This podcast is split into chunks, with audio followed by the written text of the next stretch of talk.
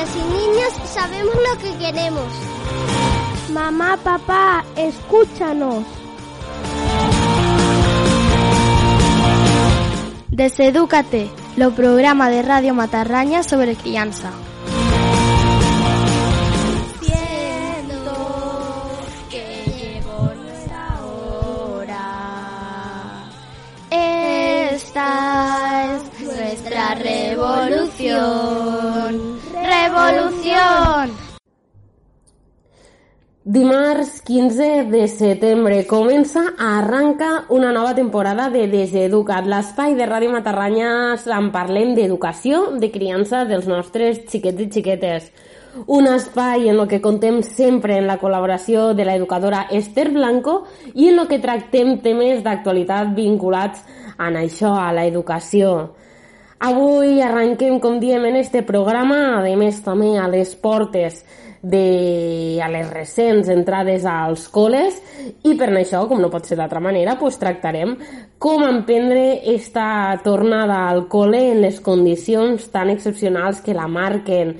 Bon dia, buenos días, Esther. Buenos días, Sabina, ¿qué tal? Bueno, ¿cómo has pasado el verano? En verdad solo te hemos dejado hacer vacaciones un mes, el agosto. Así que, no sé, cuéntanos, ¿te han venido a la mente muchos temas? ¿Has recogido temas para esta nueva temporada?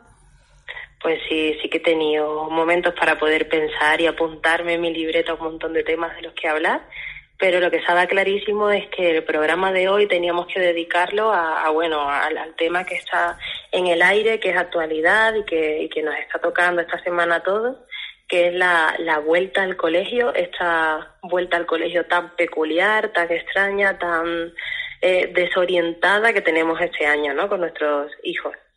Bueno, una entrada al cole que ha salido en muchos medios de comunicación. Hay algunos que ya empezaron la semana pasada y han habido también, por tanto, una semana entre medio para ver cómo estaba funcionando. También cada comunidad autónoma lo hace de una manera, lo programa eh, un poco a su manera. En este sentido, eh, como tú bien decías, aquí en el Matarraña arrancaron las clases esta semana. Cuéntanos eh, cómo has vivido ahora como madre la experiencia de preparar la vuelta al cole de tus hijos con estas condiciones. Claro, pues a ver, yo eh, después de haber pasado un confinamiento, de haber pasado unos meses en casa, que bueno, estoy segura de que todas las madres y padres hemos hecho todo lo posible para que nuestros hijos estuvieran a gusto y que para muchos ha sido una excusa muy grande para poder reforzar lazos familiares, poder aprender juegos nuevos y poder disfrutarlos en familia. Hay una cosa que sí que ha estado clara y es que nuestros hijos han echado mucho de menos a, sus amigos y que los padres también hemos echado de menos el, poder tener tiempo para nosotros porque la mayoría hemos estado a full con nuestros hijos. Entonces, claro, la vuelta al colegio era una vuelta al colegio esperada. También está clarísimo que de fondo hay unas razones económicas de mucho peso, porque bueno, porque si no volvemos a trabajar todos este país se hunde, ya es evidente. Claro, el verano ha sido una época de abundancia, pero llega septiembre y la economía tiene que salir a flote. Entonces hasta ahí entiendo que, que la vuelta al colegio eh, se viera como algo importante y esperado. Pero claro, la vuelta al colegio eh, está marcada aquí en Aragón por el escenario 2, que se le llama, que, bueno, el escenario 2, pero presencial. Y claro, esto tiene una serie de restricciones, de normas, que para los niños se están haciendo muy, muy, muy pesadas y muy grandes y que para los padres yo creo que no, nos genera un desasosiego eh, y una incertidumbre muy grande. Estos días en, la puerta del colegio hemos podido, lo poquito que hemos podido hablar, porque claro, con esto de que vamos con mascarilla, que ya de por sí eh, te hace tener menos ganas, ¿no? De hablar, o por lo menos a mí me pasa, y que todo es así un poco raro, ¿no? Que parece que tienes que irte rápido y no molestar y tener el mínimo de contacto, pero lo poco que hemos podido hablar, claro, aquí hay tantas versiones como familias hay, tantas opiniones como circunstancias hay, clarísimamente. Entonces, claro, pues hay familias que, que la vuelta al, colegio le parece un riesgo muy grande, es en eso en lo que están pensando, porque claro, eh, han podido vivir el tema del coronavirus de cerca, incluso al igual poder haber perdido algún familiar o algún conocido, y, le parece una vuelta al cole poco segura. Eh, los niños están en aula, la mayoría son pequeñas, se van a pasar cinco horas metidos en un aula y, y, claro, no, no, parece un entorno de lo más seguro. Aquí todavía en estos pueblos pequeñitos los grupos son bastante pequeños y parece que estamos un poco más a salvo. Pero en las ciudades que hay grupos que son de veintitantos niños, veintitantos niños metidos en un aula con, con una profesora o un profesor, claro, parece como, como demasiado inseguro, ¿no? Y luego, por otra parte, están, están los padres que opinan que, que claro, que, que estas medidas son antipedagógicas, por decirlo de alguna manera. Claro, no, se está generando un entorno seguro, un entorno armónico, un entorno propicio para el aprendizaje. Eh, los niños se colocan en una fila antes de entrar al colegio. En esa fila tienen que tener un metro y medio de distancia. Y claro, no pueden tocarse entre ellos, no pueden abrazarse, no pueden tener los juegos que tenían normalmente, que los niños tienden a tocarse con mucha naturalidad y a compartir juguetes, todo esto no puede darse. Y luego, claro, tienen que pasar cinco horas con una mascarilla, no pueden mirarse, no pueden ver las expresiones de su cara y ni siquiera la de la de la profesora, ¿no? Había un maestro que decía que qué difícil poder contar un cuento con una mascarilla puesta, cuando en un cuento hay un montón de expresiones que, que la boca la, eh, es como una parte fundamental, ¿no? Estás hablando y estás transmitiendo expresiones a partir de, de tu boca. Claro, esto los niños se lo están perdiendo. Y a mí, por ejemplo, mi hijo ya ha llegado a casa un par de veces diciéndome que es que no entiende a la profesora. Y es la misma que el año pasado, es decir, hay un vínculo y una confianza. Pero de repente hay veces que, que no la entiende, que tienen que preguntar muchas veces qué, qué dice. Ahondaremos, un poco ahora, ahora en los diferentes puntos de vista. Es un tema, eh, como tú bien has dicho, con muchas opiniones, con muchos puntos de vista. Intentaremos tratar los más comunes. También me gustaría conocer, igual que te he preguntado ahora por tu experiencia personal, ¿no? Me gustaría saber, tienes tú una hija que, si no me equivoco, va al instituto y un hijo que está en primaria. Eh, cuéntanos cómo lo están viviendo ellos, cómo han vivido también esta preparación y el día a día, ahora que ya llevan algún día en clase, cómo lo están llevando. Claro, pues mira, yo tengo dos y, nada que ver el uno con el otro. El niño, por ejemplo, que es más pequeño, que tiene más necesidad de, de movimiento, de, de, correr, de jugar, él no puede más, claro, porque tiene que tener la mascarilla puesta hasta en el recreo. Incluso han hecho clases de educación física con la mascarilla. No toda la hora se ve, pero eh, le decían que mientras el ejercicio fuera más moderado, que tenían que llevar puesta la mascarilla. Y claro, pues él eh, cada día se está haciendo un mundo, no, él no quiere ir al colegio, no, no le apetece. Eh, bueno, y, y, para colmo, claro, hacen esto de grupos separados y con los amigos con, lo que, con los que más juega, claro, se lleva un año con ellos, un colegio pequeño, entonces claro, em, están en otro grupo, en otro grupo de burbuja, entonces no pueden ni siquiera eh, verse en todo el día ni jugar juntos en el recreo. Así que claro, pues dice, mamá, es que en el recreo me siento y veo cómo juegan mis amigos. Entonces, claro, es que la falta de ilusión se le va notando mm. eh, día a día. Bueno, y por otro lado, hasta mi hija, como tú bien dices, este año empezó el instituto.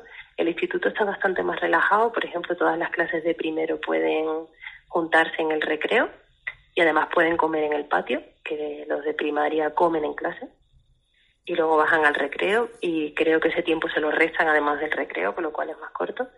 Y, bueno, pues ella sí también va con la ilusión de que es el primer año, el instituto, algo nuevo, nuevos amigos. Entonces, claro que le molesta la mascarilla porque son muchas horas, pero ya tiene otra edad, no necesita tanto movimiento y, y claro, no, no es el mismo cansancio, no es el mismo. Aparte, me da la sensación de que están las medidas más duras en primaria que, que en el instituto, ¿eh?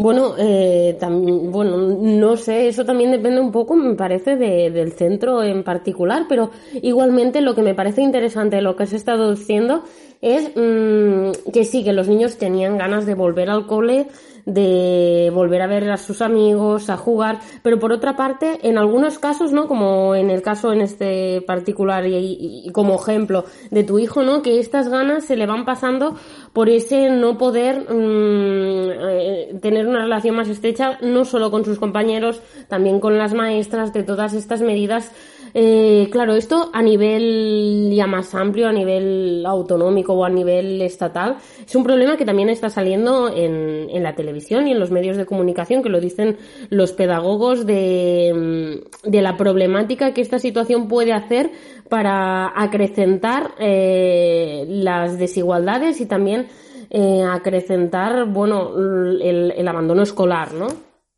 Ajá. Claro, yo creo que aquí el debate que hay de, trasfondo con esta vuelta al colegio y el enfado que pueda haber por parte de los padres, he estado como eh, mirando, investigando por las redes, ¿no? Y es lo que se escucha, es el hecho de que no se nos tenga en cuenta.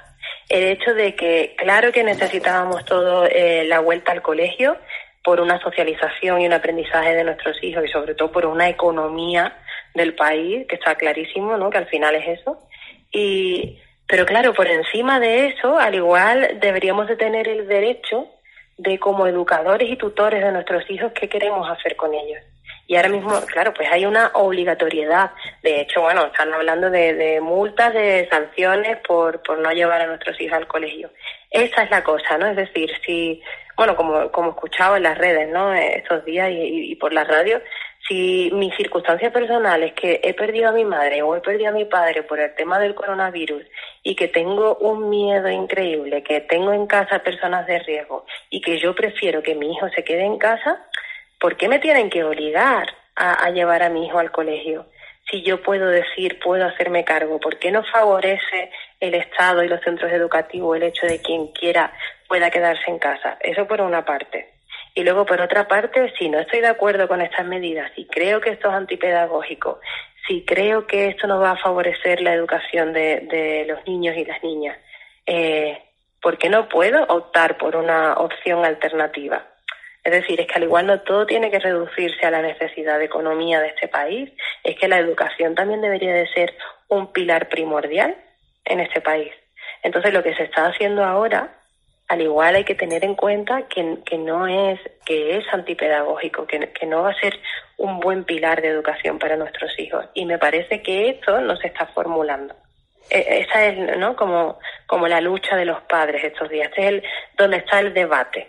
¿En qué punto está? Y luego, claro, luego, aparte de, de una ley general y de unas normas generales, está el tema de la idiosincrasia de cada lugar. Es decir, aquí vivimos en un entorno rural con escuelas muy, muy, muy pequeñas donde las normas que se están aplicando carecen de lógica. Es decir, eh, yo te pongo como ejemplo el, colegio de mis hijos, pero bueno, que están todos los colegios igual. Se han hecho como grupos, ¿no? Que son grupos de confianza, grupos burbuja, ¿no? Que se le llaman. Em, son grupos aula, normalmente se reparten por aula, de forma que al igual va primero con segundo, o primero con segundo y tercero, y cuarto, y quinto y sexto, o, por decirlo de alguna manera.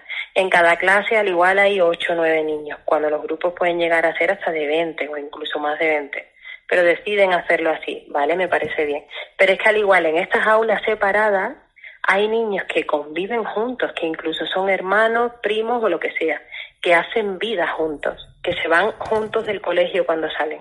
Entonces, claro, ¿qué sentido tiene que mientras están en el colegio ni siquiera pueden tocarse y tienen que mirarse de lejos y no pueden compartir, aun llevando una mascarilla y lavándose compulsivamente las manos con gel cuatro o cinco veces al día, que no puedan compartir y luego van a salir del, del colegio y se van a ir a casa juntos y van a pasar la tarde juntos o van a comer juntos.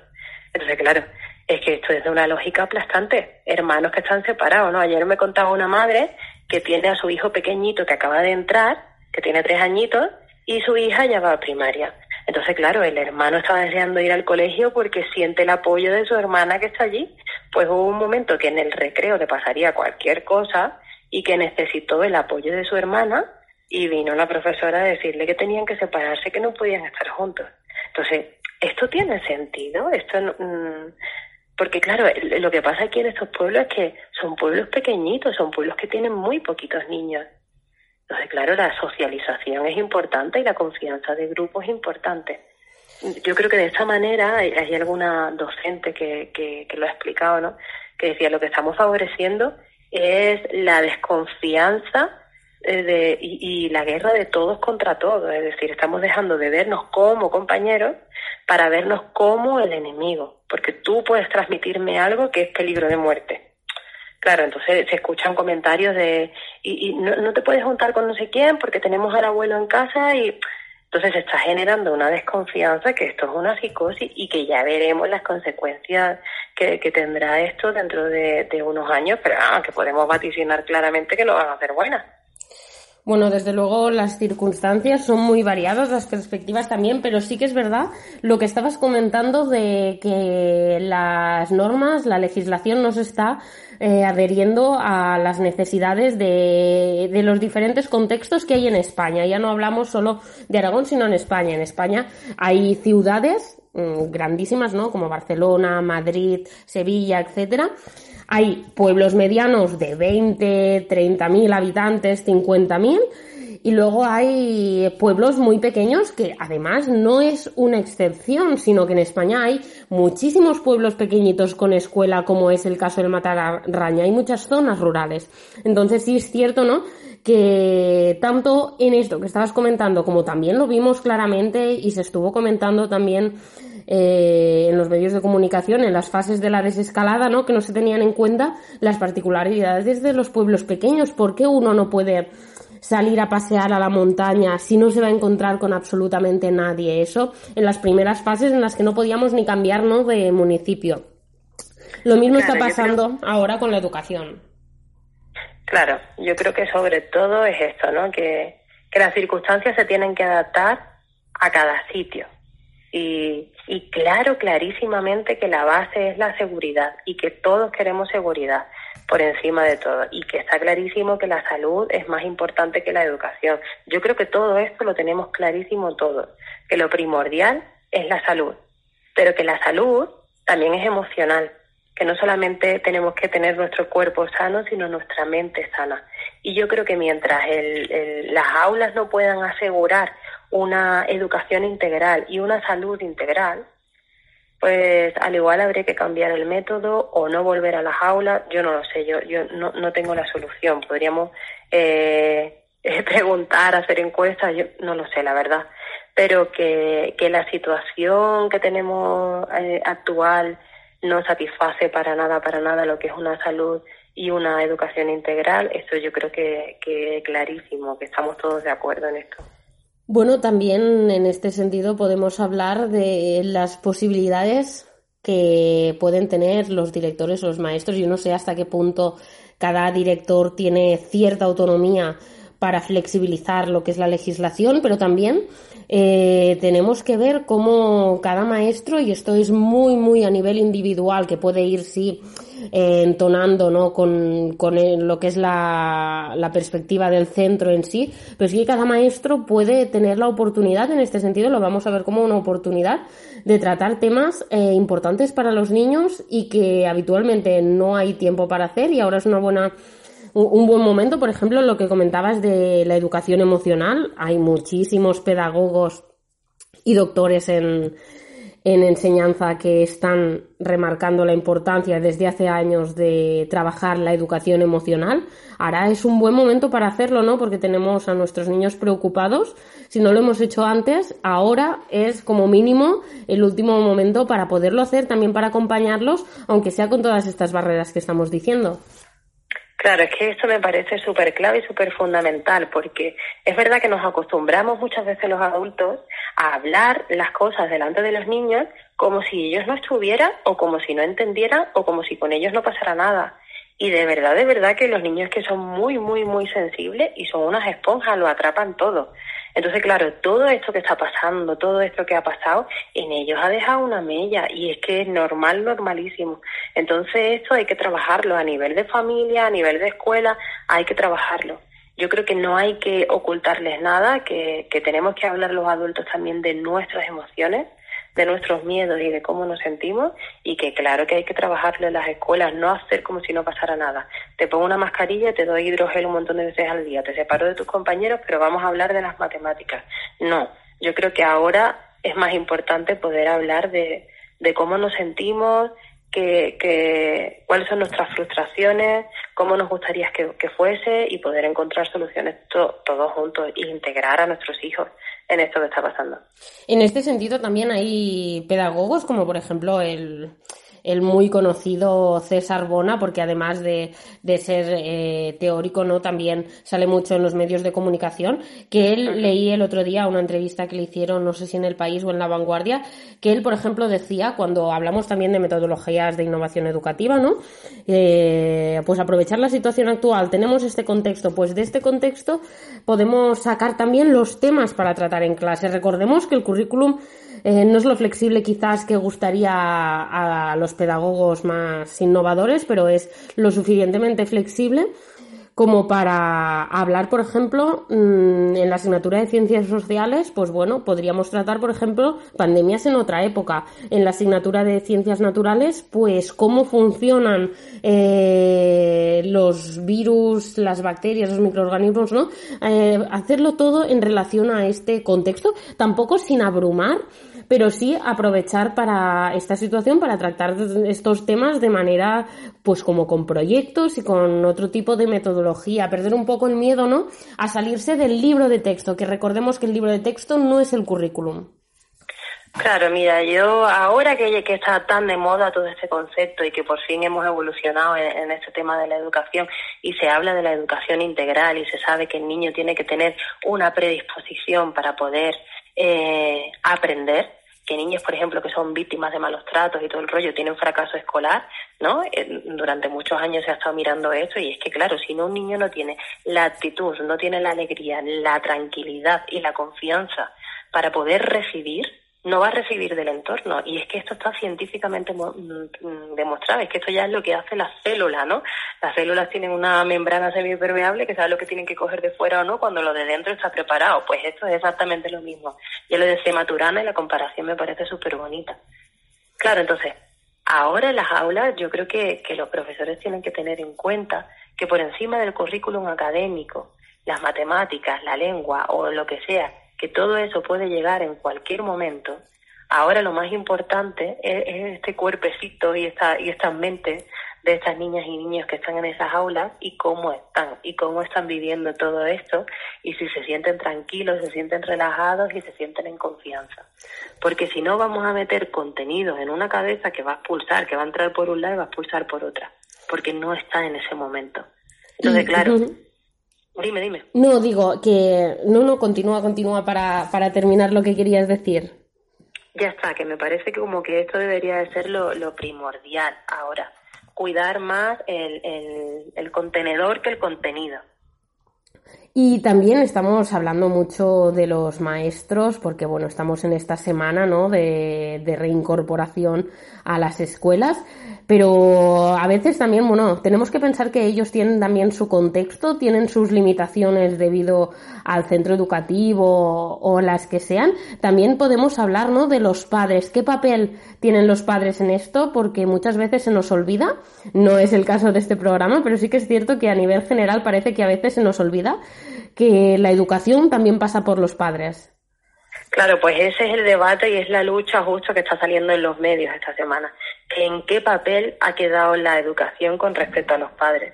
Porque claro, hay muchos padres que estos días han decidido por, por los motivos que sea, no, no quiero llevar a mi hija a un centro, me da miedo o no me gusta o lo que sea, me gustaría seguir en casa, quiero asumir la educación y no se les deja. Entonces, claro, este es el debate candente. Claro que me parece que el papel fundamental es de los padres y los padres y las madres están encendidos y encendidas y, están preocupados y están enfadados. Es decir, lo que no es normal es que eh, se haya pasado la mayor parte del confinamiento de la recta última del confinamiento y parte del verano, eh, los parques vacíos y los bares llenos, llenos de gente sentada junta con mascarilla, claro, entonces las madres y los padres te lo ven injusto, sobre todo a los que no les gustan los bares. Como no, yo quiero llevar a mi hijo a un parque y poder estar tranquilamente y no estaban los parques cerrados, eso, y enfrente las terrazas llenas de gente. Claro, pues es que es normal, es que Internet está encendidísimo estos días, te metas donde te metas, hay comentarios de todos los gustos y todos los colores. Claro que me parece que el, el, pilar fundamental en la educación, siempre lo digo, son los padres. Yo siempre creo que todos educamos en casa, aunque nos llevemos a nuestros hijos a, las escuelas, creo de verdad que todos educamos en casa y que lo primero que se llevan los hijos y, la bandera con la que van a ir por la vida es la que les den en, en casa y en el entorno más directo. A mí me parece eso fundamental. En eso yo creo que ahora hay que cuidar mucho esto que estamos viviendo.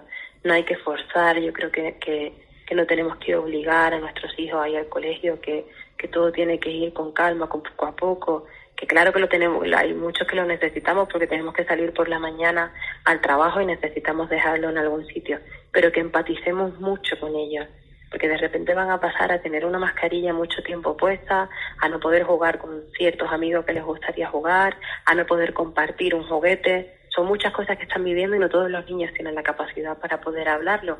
Al igual te das cuenta de que tu hijo por la tarde está más enfadado de la cuenta, más irritado de la cuenta, le pega al hermano, em, no se porta bien y a todo dice que no. Al igual te está diciendo con gestos y sin palabras que hay algo que no va bien y hay algo que le está gustando, que no le está gustando. Claro, también aprender a, escucharlos y entenderlos, que no es nada fácil, ni siendo nuestros propios hijos, en este sentido también, eh, valorar el trabajo de los maestros y los profesores que intentan hacerlo con, no es el caso del Matarraña, pero en las ciudades, ¿no? Con 30 niños en el aula. Eh, claro, claro. Esto que estabas comentando, Esther, yo recomendaría, si me atrevo a recomendar y todo, que los padres pues escuchen también a, a sus hijos que no tengan miedo de explicarles la situación que, hay sin, sin alterarse ni, ni, ir a situaciones dramáticas, intentarlos explicar al final todo con sentido común, ¿no? Al final tenemos que hacer sentir el sentido común y también tenemos que cuidarnos los padres a, a nosotros mismos eh, para poder cuidar a nuestros hijos, ¿no? Es decir, nosotros también tenemos que gestionar toda esta situación que seguro, seguro no es nada fácil y es muy difícil para muchas familias, el trabajo, los estudios, la familia, los, los abuelos, ¿no? Es una situación muy complicada también cuidarnos a nosotros para cuidar a nuestros hijos. Pues sí, yo para despedirnos, eh, a lo que quería invitar a las madres y a los padres es a la a la reflexión, a la reflexión y a tener, eh, a veces hace falta tener un espíritu un poco crítico y, cuestionarnos las cosas, las normas, las leyes y de verdad conectarnos con nosotros mismos, porque hay veces que, que apelamos al sentido común y el sentido común se vuelve el sentido de masas que viene impuesto por cuatro o cinco y que realmente al igual no tiene nada que ver con nuestro sentir o con la circunstancia nuestra familiar. Yo creo que en estos días sería bueno que todas las familias y a nivel individual también nos parásemos a reflexionar un poco y, a posicionarnos y a decir, a ver, ¿qué siento yo? ¿Qué pienso yo de todo esto que está pasando? ¿Me gusta? ¿No me gusta? Eh, ¿Necesito seguir a la masa y, opinar lo mismo que, todo el mundo? ¿O de verdad yo no estoy opinando lo mismo y necesito expresarme? Porque claro, hay tantas familias como colores y tantas opiniones como, como personas y seguro que, que cuando nos sentimos raros porque pensamos de forma diferente, eh, al final siempre vamos a encontrar a más familias y a más personas con afinidad y gente que nos va nos va a entender y si tenemos un entorno seguro y gente que nos quiera, también nos van a entender. Eh, eh, cuidemos a nuestros hijos y cuidémonos a nosotros mismos, como tú decías, y sobre todo escuchémonos y seamos sinceros con nosotros mismos. Bueno, pues Esther, con un tema tan de actualidad y tan difícil también de tratar, como siempre, muchísimas gracias por estar aquí a pie de cañón, una nueva temporada más en Desde Educat.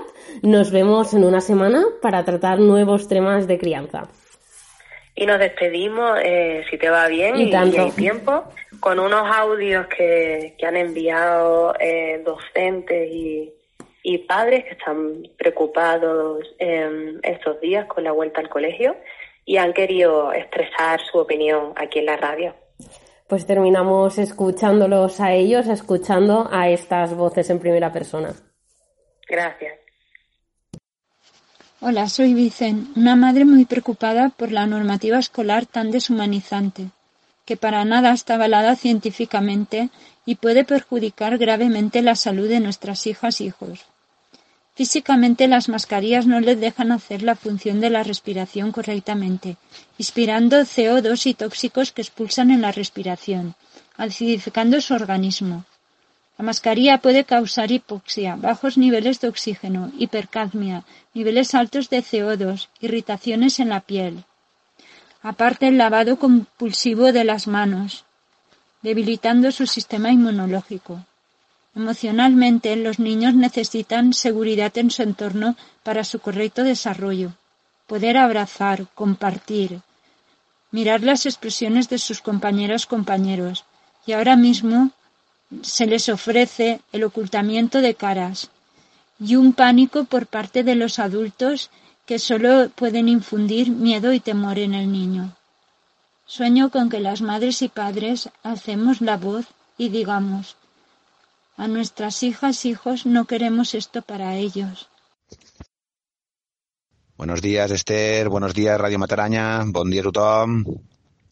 Aviam, que pedís aquí un comentario sobre el inicio de curso y llevo ahí estrujando la neurona porque hay tanto que decir, pero al final un poco, hablando aquí con una compañera maestra, un poco nos quedamos con el comentario de que se ha estado trabajando durante muchos años, muchos años para introducir la, las emociones en el colegio, en las aulas, para poder trabajar desde el respeto a los ritmos de cada niño, de sus sentimientos y saber gestionarlo y tal, y de repente nos viene el tema este de la pandemia y lo primero que se olvida, por no decir a ancianos y niños, ya hablando solo del tema escolar, se olvida, eh, pues eso, las emociones de los niños, como tapándoles la boca, eh, prohibiendo abrazar, prohibiendo el contacto físico, eh, distanciándose casi con miedo.